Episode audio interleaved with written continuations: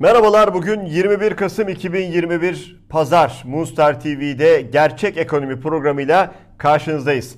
Hocam merhabalar nasılsınız iyi misiniz? Teşekkürler iyi yayınlar diliyorum. Çok teşekkür ediyoruz. Hocam hiç lafı eğip bükmeden net bir şey söyleyeceğim. Tam bir soygun var şu anda ülkede. Üstelik de bu soygun din sosuyla yapılıyor. Bu programda biraz sonra size bu din soslu ağır soygunun deşifresini sormak istiyorum. Onu konuşuruz ama isterseniz o en sıcak gündeme bir giriş yapmak adına şöyle diyebilir miyiz hocam kısaca? Erdoğan talimatı verdi ve dolar 11 TL'yi geçti. Kesinlikle böyle diyebiliriz Tuğran Bey. Çünkü bu açık ve seçik bir e, göstere göstere manipülasyondur. Hani birkaç hafta önce hatırlar mısınız Erdoğan taraftarları e, esnaf e, yani takkesiyle sakalıyla hayır bunu da gösterme ihtiyacı duyar daya kapalı evet. çarşıya gitmişlerdi ve orada diyorlardı ki döviz bürolarının önünde Cumhurbaşkanımız emir verdi faiz dinimize göre harammış biz de faizin düşeceğini talimatını verdiği için dövizin de artacağı muhakkak olduğu için burada gelmiş bekliyoruz işte artsın da satacağız diye. Şimdi bunu birkaç tane böyle militan e, kişi e, yaptıkları bu e, maskaralığı ama kendileri açısından rasyonel hareketi din sosuyla açıklaması yani açıklaması açık ve seçik talimatın nereden geldiğini nasıl olduğu belli. Recep Tayyip Erdoğan Merkez Bankası ile işbirliği içerisinde açık ve seçik spekülasyon yapıyor. Hmm. Bir takım insanların e, yani ne demek bir takım insanların şu an elinde dövizi olmayan ama ay sonu geldiğinde, yıl sonu geldiğinde döviz üzerinden borç ödemek zorunda olan insanlar seyrederken bir, iki, Memur vatandaş. Memur vatandaş ne yapıyor? Ayın sonunu bekliyor maaşının yatması için. Doğru mu Turan Bey? Öyle. Bu adamın zaten elinde para birikmiyor ki. Ayın 15'inden 15'ini, 30'undan 30'unu denk getirmek için çırpınan insanlar. Dar gelirli, sabit gelirli ve tabii ki e, vergiye bağlı olan insanlar. Bunlar seyrediyor. Bakın diyor yarın şimdi döviz fırlayacak diyor. O da diyor ki hay Allah ne yapabiliriz ki fırlayacakmış. Ama onun e, dövizin fırladığı yerde gübre fiyatları üçe katladı. İşte ekmek fiyatları arttı. Ucuz ekmek kuyrukları Türkiye'nin dört bir yanında oldu. Tedarik zinciri tahrip oldu. E, gıda, temel gıda maddelerinin fiyatlarının artması bir yana artık bulunamaz hale geldi. Dolayısıyla bu böyle basitçe faizi indireceksiniz talimatıyla cebinde dövizi olanlar bir önceden gidip e, kamu bankalarından Recep Tayyip Erdoğan'ın talimatıyla adrese teslim şu adama şu kadar TL krediyi şu faizden vereceksin talimatı veriyor. Bakın bunu bir daha söyleyelim. Kamu hı hı. bankasını, devletin kamu bankasına telefon açıyor. Diyor ki sana şu iş adamı gelecek, şu yandaşım gelecek, ona şu faiz oranından şu kadar krediyi ödeyeceksin diyor. Dola ve yarın da bu adam krediyi alıp cebine koyuyor. Yarın faizin düşmesini, dövizin patlamasını bekliyor. Bunu Recep Tayyip Erdoğan 84 milyonun yüzde 90'ından alıp yüzde beşlik yandaşına yasaları hiç ederek ahlakı ayaklar altına alarak dini ayaklar altına alarak ama ne yazık ki yine din sosu üzerinden bunu savunarak korkunç bir sömürüyü sürdürüyor. Merkez Bankası Başkanı suç işliyor. Erdoğan'ın suç işliyor. Kılıçdaroğlu'nun haklı olarak uyardığı gibi bürokratlar suç işliyor. Ve Erdoğan gittiği zaman hepsi sıraya girecekler. Osmanlı'nın şehir İslamlarının dediği gibi diyecekler. Diyecekler ki şerrinden korktuk. Şerrinden korktuğu için o talimat verdi. Biz fetvasını arkasından verdik. O talimat verdi. Biz altına imza attık. Böyle bir yere doğru gidiyor. Şimdi Turan Bey şöyle değil miydi? Hikayenin hı hı. asas adı şu değil mi? Yani şu ülkemizi yerle yeksan edildiği, bırakın geleceğini görmeyi, yarın sabah ne olacağının öngörülemediği hale düşürülmesinin arkasındaki hikaye nedir? Türkiye Cumhuriyeti Merkez Bankası diyor ki ben öyle şapkadan öyle bir tavşan çıkartacağım ki öyle bir şey cinlik yapacağım ki önce döviz düşecek döviz düştüğü için enflasyonumuzun üzerinde de en çok da dövizin etkisi olduğu için arkasından da enflasyon düşecek. Şimdi normalde dövizin enflasyon üzerinde etkisi olduğu doğru. Peki şunu soralım. Ey Merkez Bankası kabul ettik. Kabul ettik. Varsaydık ki böyle bir şey var. Sen dövizi düşüreceksin. Dövizden kaynaklanan enflasyon düşecek. Ha bir de faizi peki bunu nasıl yapacaksın diye soruyoruz. Diyor ki ben diyor faizleri düşüreceğim. Faizleri düşürdüğüm için Türk lirası değer kaybedecek. Türk lirası değer kaybettiği için ihracatımız artacak. İhracatımız artarsa dış ticaret düzelecek. Döviz de aşağı gelecek. Ve ilginçtir bütün bunlar olurken enflasyonda olmayacak. Hı. Ucuz kredi vereceksin. Enflasyon artmayacak. Hı. Faiz düşüreceksin, para basacaksın, enflasyon artmayacak. Peki bunların hangisi oldu? Aylardır şu Türkiye'yi böyle bir laboratuvara çevirdiler. Hangisi o? Hiçbiri olmadı. Hiç tam tersi burada ısrar ettikçe iyicene kopuyor ve Erdoğan bu dedikleri olmadıkça bu sefer az önce zikrettiğim sömürüsünü savunmak üzere Kur'an-ı Kerim'e dayandırdı. Bakın ben burada şey demeyeceğim size.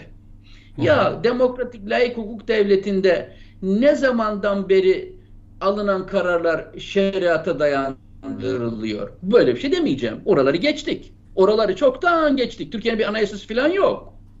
Türkiye'nin bir anayasası falan yok. Türkiye'nin meşru bir cumhurbaşkanı da yok. Türkiye'nin meşru bir hükümeti de yok. Bu hükümetin ancak uzaklaştırılması gerekir. Ama burayı geçtik. Peki e, ama peki talimat değil mi bu? Peki faizi düşürmeyenlerle biz yolumuza devam etmeyeceğiz. Görevden aldık, yine alacağız dediğin yerde Merkez Bankası peki e, talimat verilmiş olmuyor mu? Verilmiş oluyor. Ama daha bir şey söyleyeceğim size. Bunları da ben geçtim. Merkez Bankası'na talimat vermek, bağımsızlığını hiçe saymak. Bunlar birkaç sene önce, beş sene önce haber değeri taşırdı.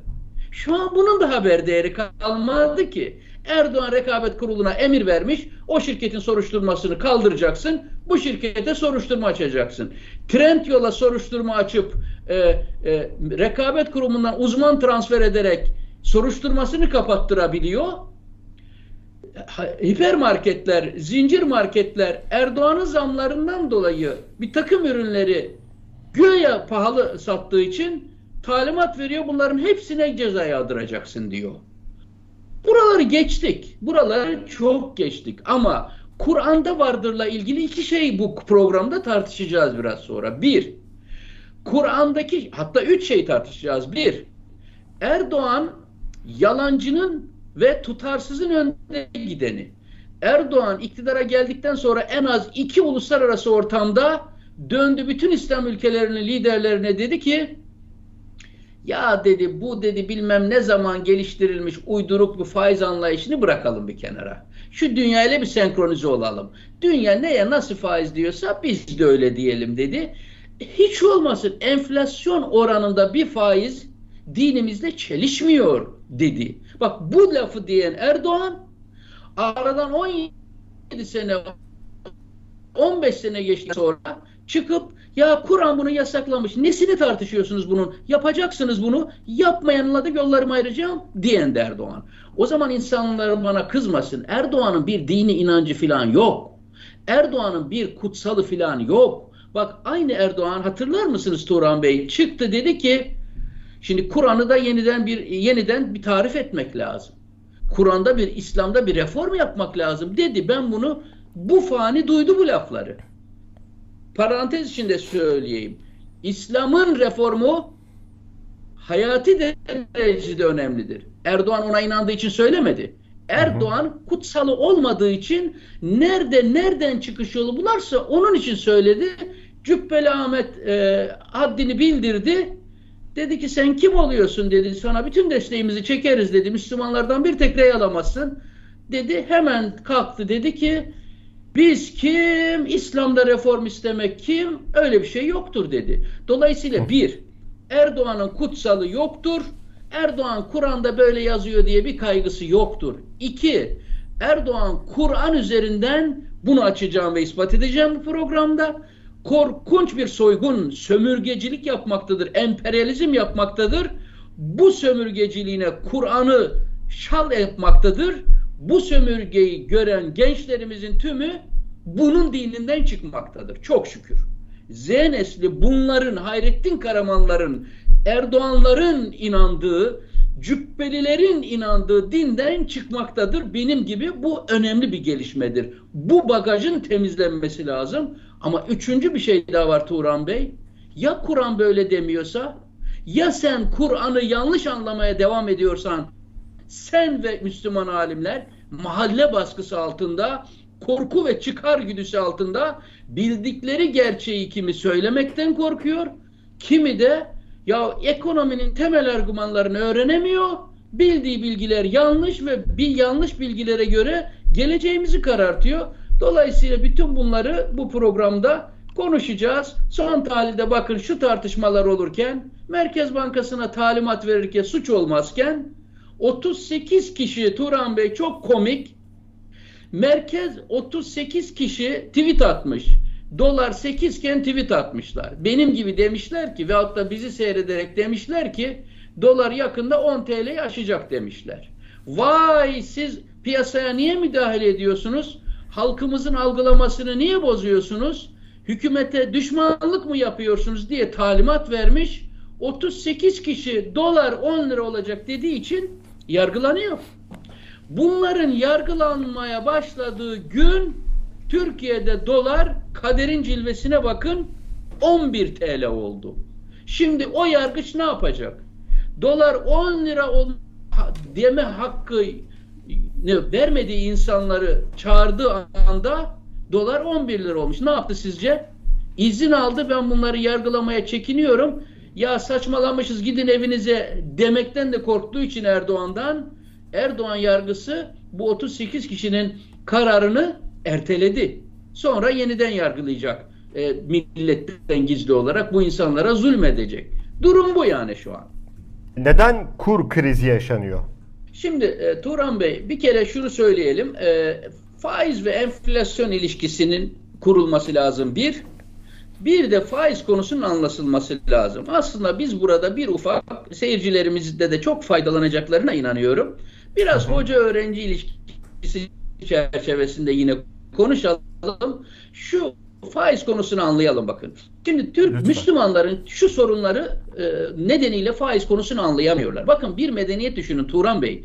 250 senedir modern zamanlardan bahsediyorum. Geçmiş dönemlerden bahsetmiyorum. Yani insanlığın kalkınma patikasına girdiği, bugünkü medeniyeti yarattığı şu son 250 seneden bahsediyorum. Müslümanlar şu paranın ne olduğunu anlayamıyor, faizin ne olduğunu kavrayamıyor 250 senedir bataklıkta çırpınıyor, sürekli kendisine hile-i şerriye yapıyor, sürekli kendisine yalanlar söylüyor ama bir türlü yahu dünya nasıl yapıyor bunu diye bunu anlamaya çalışmıyor. Bakın mesela ben paramı kullanmak yerine Turan Bey, sizin kullanmanız için size ödünç verirsem bunun karşılığında ben sizden peşin bir miktar faiz alırsam haramdır diyor. Diyor ki sonunda gidip alacaksın. Sonunda adam kar ederse karından alacaksın. Zarar ederse zararın ortak olacaksın. Ben de bunlara diyorum ki neden mi şöyle? Ben Turan Görür Yılmaz'a ödünç veriyorum ama Turan Görür Yılmaz'ın onu hangi etkinlikte nasıl kullandığını bilemem ki. Ben bunu hesaplayamam ki. Mahallede yaşamıyoruz ki 8 milyarlık dünyada yaşıyoruz. Kim kimin nerede hangi faaliyeti hangi akılla etkinlikle yaptığını ölçebilir ki? Onu Turan Görür Yılmaz kendi hesaplayacak. Ben borcumu veririm. Paranın kullanması için bir fırsat maliyetini karşılıklı mutabık kalırız. Dayatmam, sövmem, tehdit etmem. Mafya gibi alırsam bir, almazsam beş ceza yazıyorum sana demem. Anlaşıyorsak anlaşırız ben kullanmadığım parayı size kullandırmanın karşılığında sizden bir komisyon alırım. adı bunun faizdir. Siz de onunla gidip nasıl para kazanacaksanız ona siz karar verirsiniz. 8 milyar insan var. Ben bunu hesaplayamam. İki, peki paranın bir getirisi yoksa Turan Bey, faiz adı altında paranın bir getirisi yoksa ben niçin tasarruf edeyim? İşte o yüzden de edilmiyor. İnsanları parası, parasını tüketmek yerine, har vurup harcamak yerine geleceğinde kullanmak üzere tasarrufa da zorlamak için o paranın bir getirisi olması lazım. Buna da biz faiz diyoruz. Üçüncü olarak Turan Bey, faizin borçla ilişkisini kurmuyorlar. Türkiye Cumhuriyeti Devleti hem dış açıkları nedeniyle hem iç açıkları nedeniyle hem tasarruf açığı nedeniyle tarihi bir borç yükünün altında. Sen buna faiz vermezsen içerideki ve dışarıdaki insana nasıl borç alacaksın? Dolayısıyla bu ilişkiyi de kuramıyorlar. Ve nihayet Turan Bey en vahimi biraz sonra bir örnek de vereceğim. Bunlar para basmanın çok boş beleş bir şey olduğunu düşünüyor tamam mı? İslamcılar da çok yaygın. Ne olacak efendim? Para basalım, iktisadi faaliyet olsun. E ne güzel, herkes yapsın onu. Herkes para bassın, kimse kimseden borç almasın. Ama bunun para basmanın sonucu açık ve seçik net, kontrolden çıkmış bir enflasyondur ve bunu dünyada Türklerden daha iyi kimsenin bilmemesi gerekir. En uzman ülke bizim olmamız lazım. Dolayısıyla şu dört konuyu bilmek lazım. Bakın e, bir şey daha söyleyeyim size Turan Bey. Şimdi Erdoğan hükümeti faizi artırırken de kendiyle çelişkisi içinde, faizi düşürmezken de kendiyle çelişki içerisinde. Şimdi 2018 yılında bu Erdoğan faizi yüzde on bandından tuttu, yüzde 24 bandına çıkarttı kur krizini önleyecek diye. O zaman da kur fırlamıştı. La o zaman nas yok muydu? O zaman Kur'an ayeti yok muydu? O zaman sen hangi dine tapıyordun? Neden o zaman izin verdin? Bir. iki. Diyorsun ki faizi düşürürsek enflasyon düşecek. Müthiş bir çözüm. Sıfıra indir faizi. Niye bu kadar yavaş düşürüyorsun? Faiz yoktur ülkemizde de yasak. Faiz, maiz yarından itibaren yok. Kim seninle mücadele edecek? E, de, dediğin dedik, çaldığın düdük. Peki niye düşürmüyorsun o zaman? Yani düşürmezken de çelişkili. Demek ki inanmıyor dediğine. Arkasında başka bir şey var demek ki. E başka bir şey var. Tabii ki bütçede faizi ayırdığım pay ne peki? Biraz sonra onları da konuşacağız tabii. E, Turan Bey şunu söyleyip oradan e, belki e, devam edebiliriz. Bu hı hı. son sorduğunuz soruya bu cevabı vermiş olarak bitireyim. Turan Bey enflasyonun altında verilen bir faiz haramdır, sömürüdür ve zulümdür. Bu yaptığınız zaman kimseyi TL'nizde tutamazsınız. Bunu yaptığınız zaman herkes dövize kaçar ve siz zaten istemediğiniz bütün sonuçları kendi ellerinizle yaratmış olursunuz. Bakın nitekim bugün biz bir yaşadığımız sorun adı bir yandan enflasyon krizi ama hı hı. bir yandan da kur krizi doğru mu? Neden kur krizi hı. yaşıyoruz? Esas sizin sorunuz buydu. E, biraz daha ona odaklanayım. Şimdi dış açığın varsa mecburen ithalatını finanse etmek için döviz bulman lazım. Bir. iki. Dolara endeksli çok pahalı yandaş projeleri yapmışsın. Bakın dışarıyla ilgin yok Turan Bey. Dış alemle ilgin yok. Kendi ülkende köprü yapıyorsun. Kendi ülkende otoban yapıyorsun. Kendi ülkende hastane yapıyorsun. Kendi ülkende tünel yapıyorsun ve o iş adamlarına diyorsun ki insanlar geçer mi geçmez mi diye üzülme. Ben sana müşteri garantisi vereceğim. Yüzde doksan oranında tutmasa bile geçmeye müşterilerin parasını dövize endeksli olarak hazineden vereceğim diyorsun. Ondan sonra da diyorsun ki Allah Allah bu ülkede neden kur krizi yaşanıyor?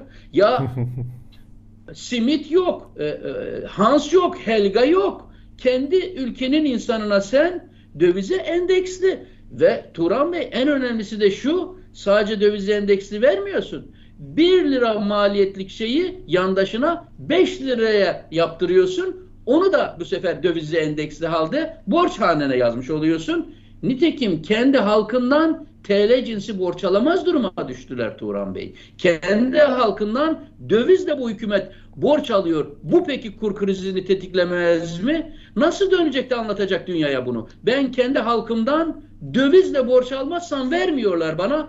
Çünkü TL'yi bu hale düşürmüşsün. Niye sana TL ile kredi versin? Reel faizin eksi senin. Vermiyor ve sen de dövizle alıyorsun. Şimdi Turan Bey dördüncü madde olarak ki bence en önemlisi bu e, muhafazakar kesim ve hatta Türkiye halkı kültürü e, para basma ile faiz arasında da bir ilişki ve enflasyon arasında bir ilişki kurmuyorlar. Bu da çok yanlış bir şey. Halbuki e, para bastığınız zaman e, e, enflasyon olmaması mümkün değil. Yani para basmayı enflasyonu bir finansman yöntemi olarak e, kullanmak gibi bir şar kurnazlığı yapıyorlar. Hmm. Halbuki e, durum bu kadar kolaysa dünyada kimsenin kimseden döviz almasına gerek yok. E, Çin'in 3 trilyon dolar Amerikan e, doları rezerv biriktirmesine gerek yok. Türkiye'de biliyorsunuz Erdoğan 128 milyarı yandaşlarına sattığında e, kıyamet koptu. Eyvah biz dövize ihtiyaç duyarsak ne olacak? Niye dövize ihtiyaç duyasınız ki? Para basın işte. Dolayısıyla burada da feci bir yan, yanılgı söz konusu var. E, para basarsanız e, para size hayat pahalılığı olarak yaşanmaz bir düzen olarak geri döner. Para basmanın kuralları, yöntemleri, ihtiyaçları, ortamları var. Bilimsel ve teknik bir konudur. Ona burada girmiyorum. Yani şunu söylemek e, istiyorum ben. Yani e, Erdoğan e, faizi artırırken de kendiyle çelişkili. 2018 yılında yaptı bunu biliyorsunuz. Ee, e, dövizde çok hızlı e, rahip e, Brunson döneminde dövizde çok sert bir hareket olunca bu sefer faiz oranlarını yüzde ondan yüzde yirmi dörtlere kadar çıkardı. O zaman Kur'an'da faiz helal miydi? Niye çıkardın o zaman? E, demek ki kendiyle de tutarsız. E peki tersinden bakalım. E, faiz indirirsen enflasyon düşecek diyorsun. E tamam senin elinde kim tutuyor seni? Sıfırla enfl faizi enflasyon sorunumuz kalmasın ortada. Bunların hepsi e, dahası o zaman sen neden şu an dünyadan borçlanırken yüzde yirmi e, e, civarında faiz ödüyorsun an itibariyle hazinenin borçlanmalarına? Niye bütçeye rekor miktarda faiz gideri o zaman koyuyorsun? İktidara geldiğinden beri neden milletin 100 200 milyar e, TL'ye yakın e, parasını faize ödedin o zaman? Dolayısıyla nereden baksan tutarsız ama şunu söylemek lazım Turan Bey kural olarak. Enflasyonun altındaki bir faiz e, intihardır. Enflasyonun altındaki bir faiz intihardır. Hele Türkiye gibi borcu çok yüksek olan, cari açığı çok yüksek olan, tasarrufları çok düşük olan e, bir ülkede, güvenin erozyona uğradığı bir ülkede, e, kırılganlık endeksinin alıp başını gittiği bir ülkede bu dinen haramdır. Çünkü insanların parasını, bir adamı parasını bankaya yatırttırıyorsun. Onun parası 100 lirası bir sene sonra reel olarak 90 liraya düşüyor. %20 enflasyon varsa 80'e düşüyor. Ama bu parayı şimdi yandaşlara vererek ona kur, döviz aldırttırıyorsun. O dövizden kazanıyor. Bu dinen haramdır. Ahlaki olarak bir sömürgedir. Bana sorarsanız yasal olarak da suçtur. Toplumun kesimleri arasında kasten bilerek servet transferine yol açtığınız için. Bakın Turan Bey size bir istatistik vereyim. E, Türkiye'de son yıllarda e, 2019 yılından bugüne kadar diyeyim ben size son 3 yılda e, para arzı yüzde 201 ora, 31 oranında artmış. Yüzde 231 oranında artmış. Yani e, gece gündüz darphane para basma işinde bulunmuş. Bankadan para çekenler Turan Bey şu an millet ekranlarda gösteriyorlar bankanın önünden. Bak diyorlar biz 10 tane 100 lira çektik. Seri numaraları birbirini takip ediyor. 1, 2, 3, 4, 5, 6 diye. Hmm. Dolayısıyla e, kendi ellerinizle e, para basarak enflasyon yaratıyorsunuz. Ama size daha vahim bir şey söyleyeyim. Çok kritik bir şey söyleyeyim. Bence bu hafta olup bitenin tam adı bu çünkü. Siz yabancıların parasını alıp kaçtığı bir ortamda yerlilerin de milli paradan yabancı paraya kaçmak için birbirini ezdiği bir ortamda para basarsanız bu bastığınız bol likiditeyi siyasi baskıyla ucuz bir faiz oranından bir takım tanıdıklarınıza verirseniz onlar bununla yatırım yapmazlar Turan Bey. Onlar yarın nasıl olsa Erdoğan'ın talimatıyla faiz düşecek kur fırlayacak diye döviz bürosunun önünde beklemeye giderler ve döviz almak suretiyle e, servet transferi olur ve dövizin düşeceği varsa da kendi ellerinle dövizi fırlatmış olursun. Yani böyle ortamlarda tam tersi likiditenin daraltılması lazım. İnsanların TL'ye ulaşmasının zor olması lazım ki TL üzerinden bir döviz tahaccümü durdurulabilmiş olsun. Bunu da yanlış yapıyorlar. Şöyle bir soruyla devam edeyim hocam. Ee, düşük faizin çıldırmış bir kurun haram olmadığını söyleyebilir miyiz böyle bir döngüde? Yani insanlar size borç verdiği zaman borçlarıyla bir dana alabilirken vadenin sonunda sizin ona verdiğiniz parayla eğer bir dananın bacağını alabiliyorsa o zaman siz ona zarar ettiriyorsunuz demektir. Kısaca bundan bahsediyoruz.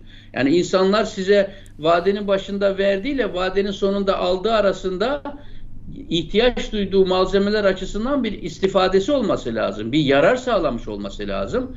Dolayısıyla aslında döviz çıktıkça hazinenin borç yükü de artıyor. Bütçedeki faizlerin payı da artıyor. Kamu bütçesinde borcun ve faizi artıyor.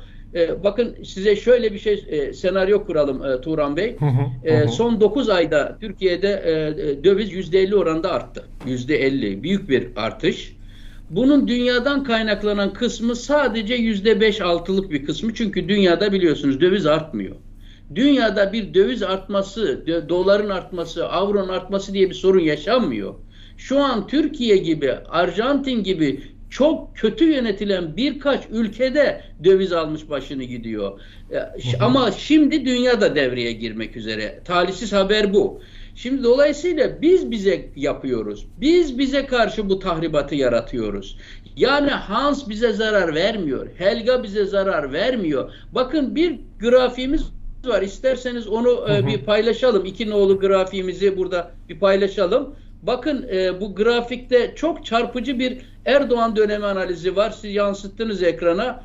Bakınız 2002 ile 2010 döneminde Türkiye'de Turan Bey 1 dolar 1,5 TL ile 2 TL arasında dalgalandı. Erdoğan böyle bir e, miras devraldı. Böyle bir IMF Avrupa Birliği etkisi yaratıldı, yaşandı Türkiye'de. Çok pozitif. Bakın o dönemde yani koca bir aşağı yukarı 7 sene 8 sene boyunca Türkiye'de 1 dolar sadece 1,5 TL 2 TL civarında oldu. Ne zaman o ne, neden o zaman dış dünya bizi aleyhimize çalışmadı? Neden o zaman Erdoğan'ı durdurmaya çalışmadılar? Bakınız 2011'de AK Parti tek parti oldu doğru mu? AKP'nin tek parti hı hı. dönemi başladı. Adeta bir parti e, diktatörlüğü dönemi başladı. Bakınız kur neye çıktı? 1 dolar 2,5 TL ile 3 TL bandına çıktı. Bakın onu da burada veriyoruz. AKP tek parti olunca diye ikinci hanede yazmışım onu. Ve nihayet 2018'de Erdoğan'ın tek adam olup diktatörleşme tarihiyle başlatalım. Bakınız döviz o saatten sonra artık kontrolden çıkmış, zıvanadan çıkmış olarak şu anki 11.20 düzeyine kadar çıktı. Dolayısıyla şimdi kalkıp da son 3 senede yaptığınız yanlışları Hansa, Helga'ya, Amerika'ya, dış güçlere yamamaya kalkışmanın bizimle savaşıyorlar. Ve Turan Bey bir şey daha söyleyeyim size. O 2002 ile 2010 döneminde faiz oranları e, e, yüzde 7-8 bandına düşmüştü. E, niye o zaman saldırmadılar sana? Enflasyon tek haneye düşmüştü. Niye o zaman saldırmadılar sana? Dolayısıyla şu yabancılar, düşmanlar bilmem ne e, geyiğini de bir kenara bırakmak lazım. Bundan da vazgeçmek lazım. Doğru değil işte. Burada ispatını veriyoruz. Evet. Bu da bir uyduruk bir şey. Çok geriye gitmeyelim. Bu hı. 30 Eylül itibariyle bu senenin 30 Eylül itibariyle hazinenin yaklaşık 1.3 trilyon TL'lik borcu vardı. Bu e, geçtiğimiz Eylül'de. O günkü kur üzerinden, o günkü geçerli kur üzerinden bu yaklaşık 143 milyar dolardı. Şimdi o günkü kurdan bugünkü kura yani 11 nokta e, küsurata geldi. 11'i geçti şu an itibariyle sırf bu kur farkından dolayı o borcun üzerine tam 280 milyar TL daha e, geldi.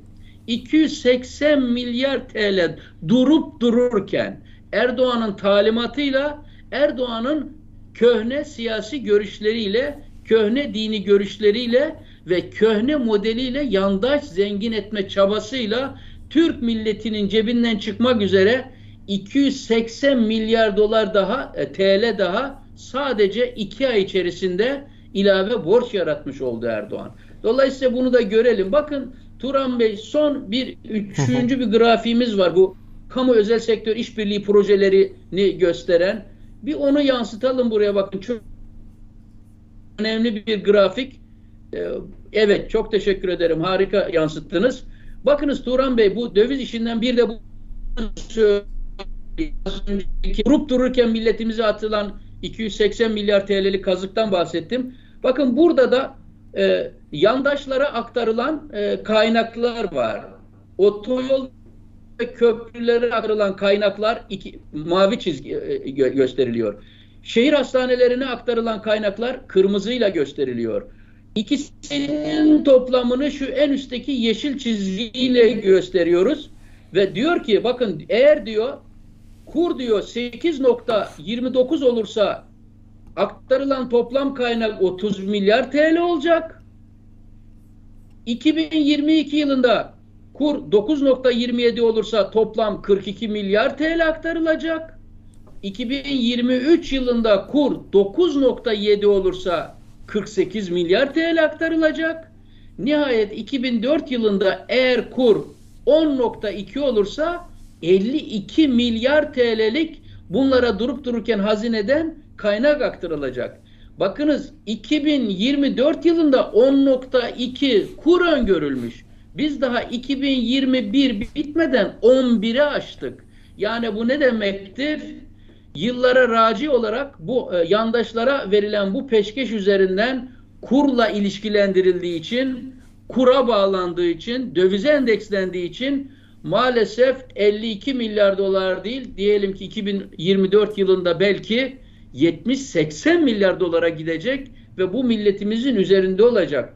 Yani e, e, Erdoğan'ın maalesef e, burada e, din üzerinden sürdürdüğü zombi yandaş şirketleri kurtarmak için sürdürdüğü korkunç bir sömürge söz konusu. Düşük faiz yatırımlara yansır mı? Evet Erdoğan bundan şikayet etti biliyorsunuz. De iş adamlarına döndü dedi ki siz ne biçim insansınız, ne biçim iş adamısınız? Biz düşük faiz veriyoruz. Siz e, önceleri yüksek faizden şikayet ederdiniz. Şimdi gelip e, yatırım yapmanız gerekiyor ama görüyorum ki gelip yatırım yapmıyorsunuz. Tabi Erdoğan'ın e, ekonomiyi işte hiç bilmediğini buradan da anlıyoruz yine. E, faiz düşünce insanlar yatırım yapar. Tamam faiz düştü yatırım yaptık. Peki ekonominin geleceğine yönelik iyimser değilsek niye bu üretimi yapalım düşük faizle? Hı hı. Gelecekte talep olmayacağını düşünüyorsak niye bunu yapalım? Ekonominin yarınlarını bir kriz çıkıp çıkmayacağı konusunda öngöremiyorsak niye bunu yatırım yapalım? Ben döviz çıkacaksa bana düşük faizle verdiğin krediyle ne olacağını bilmediğim bir yatırıma mı gitmeliyim yoksa getirisi garanti olan dövize mi gitmeliyim? Dolayısıyla yani. Erdoğan iş adamının geleceğe yönelik nasıl pozisyon alacağından da haberi yok. Aslında alacağından haberi yok demeyelim. Pekala var da milletin karşısında bir günah keçisi yaratmaya çalışıyor. Bakın Turan Bey ben bir şey soruyorum o zaman. Madem düşük faiz vermek istiyorsunuz, konut faizlerini özellikle kamu bankalarını cebren kullanarak konut faizleri düşürüyor. Peki bu milletin kredi kartı e, borçları var. Düşür kredi kartı faizlerini o zaman. İhtiyaç kredisi faizleri var. Düşür ihtiyaç kredilerini o zaman. Gitsin rahat rahat alışveriş yapsın. Onları düşürmüyor. Ne anlıyoruz buradan? Şunu anlıyoruz. Erdoğan'ın Batman'ın eşiğine gelmiş büyük inşaat sektörü var. Batman'ın eşiğine gelmiş yanda şirketler ve yatırımlar var. Bunları kurtarmak için Turan Bey Erdoğan kamu bankaları derdi bu. Konut sat, kredi al, Bunlara yer. Bakın belki sondan bir önceki grafiğimizi e, burada son grafiğimizi kullanalım burada. Bu meşhur 128 milyar doların eritildiği bir grafiğimiz var. Tam derdimi Aha. anlatıyor o Turan Aha. Bey. Bakın şimdi verdiğiniz onu. Turan Bey bu 128 milyar doların bakın burada e, mavi çizgiyle kamu kesiminin döviz açığını görüyoruz. Sarı çizgiyle özel sektörün ve kişilerin döviz açık pozisyonunu görüyoruz. Bakın burada birbiriyle kesiştikleri bir yer var. O kesiştikleri yer Turan Bey Erdoğan'ın Merkez Bankası'ndan Türk milletinin 128 milyar dolarını eritmeye başladığı tarih. Bakın ondan sonra ne olmuş? Devlet kendi dövizini satarak, elden çıkartarak döviz açık pozisyonunu tepe taklak aşağı doğru giderken, bakın mavi çizgi, özel sektör döviz açık pozisyonunu ki o dönemde yaklaşık 100 milyar dolarlık özel sektörün döviz açık pozisyonu var. Bu dövizleri devletten ucuz parayla alıp kendisini sahili selamete atmış, döviz açık pozisyonunu kapatmış büyük oranda, risklerini azaltmış, özel sektörün bütün risklerini devlet üstlenmiş. Risklerini kapatan Erdoğan'ın şirketleri ama riske giren bütün Türkiye Cumhuriyeti halkı işte bugün karşımızda yaşadığımız döviz krizinin bir önemli alem, ayağı da burada karşımıza çıkıyor. Hocam emek hırsızlığı o zaman haram değil mi? Yani programın başından beri haram diyoruz, haramı konuşuyoruz. Erdoğan'ın sözleri üzerinden tabii siz açıklamalar getiriyorsunuz. O zaman ben de böyle sormuş olayım. Yani emek hırsızlığı haram değil mi? Dar gelirli ve bordrolu insanlardan bahsediyoruz. Programın başında söyledik. Ayın sonunu bekliyor. Göz gö, gözleri ağlıya ağlıya seyrediyor. Döviz gidiyor. Tasarrufu TL'de ise onun faizi düşüyor ve ayın sonunda kira ödeyecek. E, ardiyeler, ahırlar, e, e, izbe yerlerdeki odasız e, mahzenler 2000-3000 TL'ye kiraya verilmeye başlandı. Bu insanların canı yanıyor ve e, şu an Türkiye'de asgari ücret Çin'in üçte ikisini yakalayamaz duruma gelmiş durumda. 237 avro bir aylık asgari ücret. Bunu 5000 TL yapsan ne olur, 6000 TL yapsan ne olur? Türkiye'de e, inanılmaz emeğiyle geçinen ve bir de memur kesimi korkunç bir şekilde bu modelin e, sömürüyor. E, sömürü e, helal midir dinimizde? Bakın şu ara suresinde şöyle bir ayet geçiyor. Erdoğan bunu hiç okumuş mudur? Okusa vicdanında karşılığı olur mu bilmiyorum. Diyor ki insanların mal ve haklarını düşürmeyin ve yeryüzünü yağmacılıkla ihtilalcilikle fesada vermeyin diyor. Yani insanların ekonomiyi yanlış yöneterek insanların gelirini yok etmeyin diyor.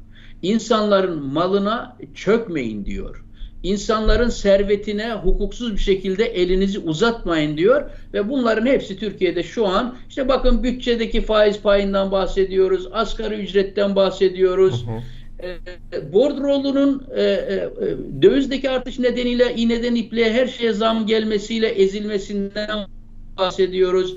Kamu bu zamları nedeniyle her ürüne e, bakın hatırlar mısınız 1990'lı yıllarda enflasyon çift hanelerdeyken ben çok gördüm onu. Bu alışveriş yerlerine gittiğim zaman e, genç çocuklara kaykaylar verirlerdi. Çünkü hipermarket çok büyük, e, çok alan geniş yüzlerce malın etiketini değiştirmeleri gerekiyor. Akşamdan sabaha zam gelirdi. Onun için bunlar kaykayla dolaşır ellerindeki etiket değiştirme makinesiyle çatır çatır beş etiketi üst üste biz görürdük. Ee, e, şu dönem yeniden başladı Türkiye'de.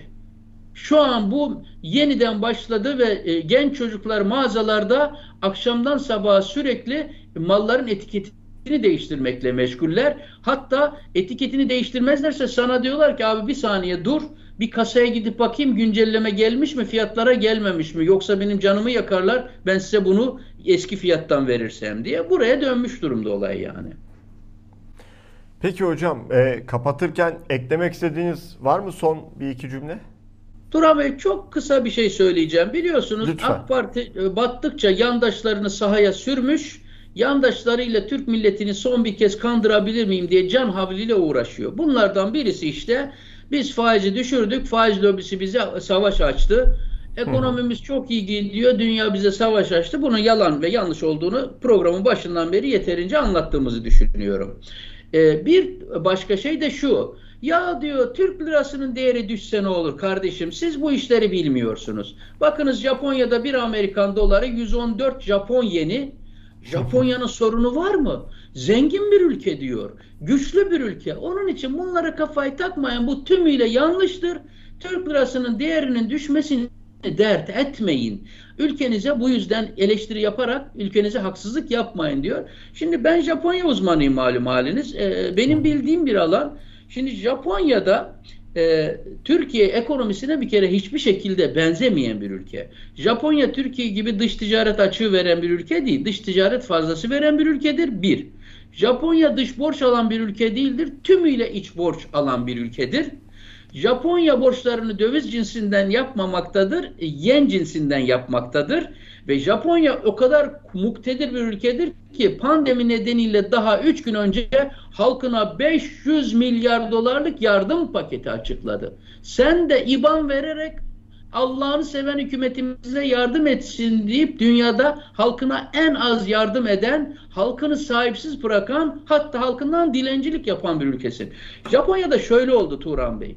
İkinci Dünya Savaşı'ndan sonra Japonya tümüyle yerle bir olunca, yıkılınca Amerika Japonya'nın biraz kalkınmasına destek vermek için dedi ki bir Amerikan dolarını 360 Japon yenine eşitleyelim dedi.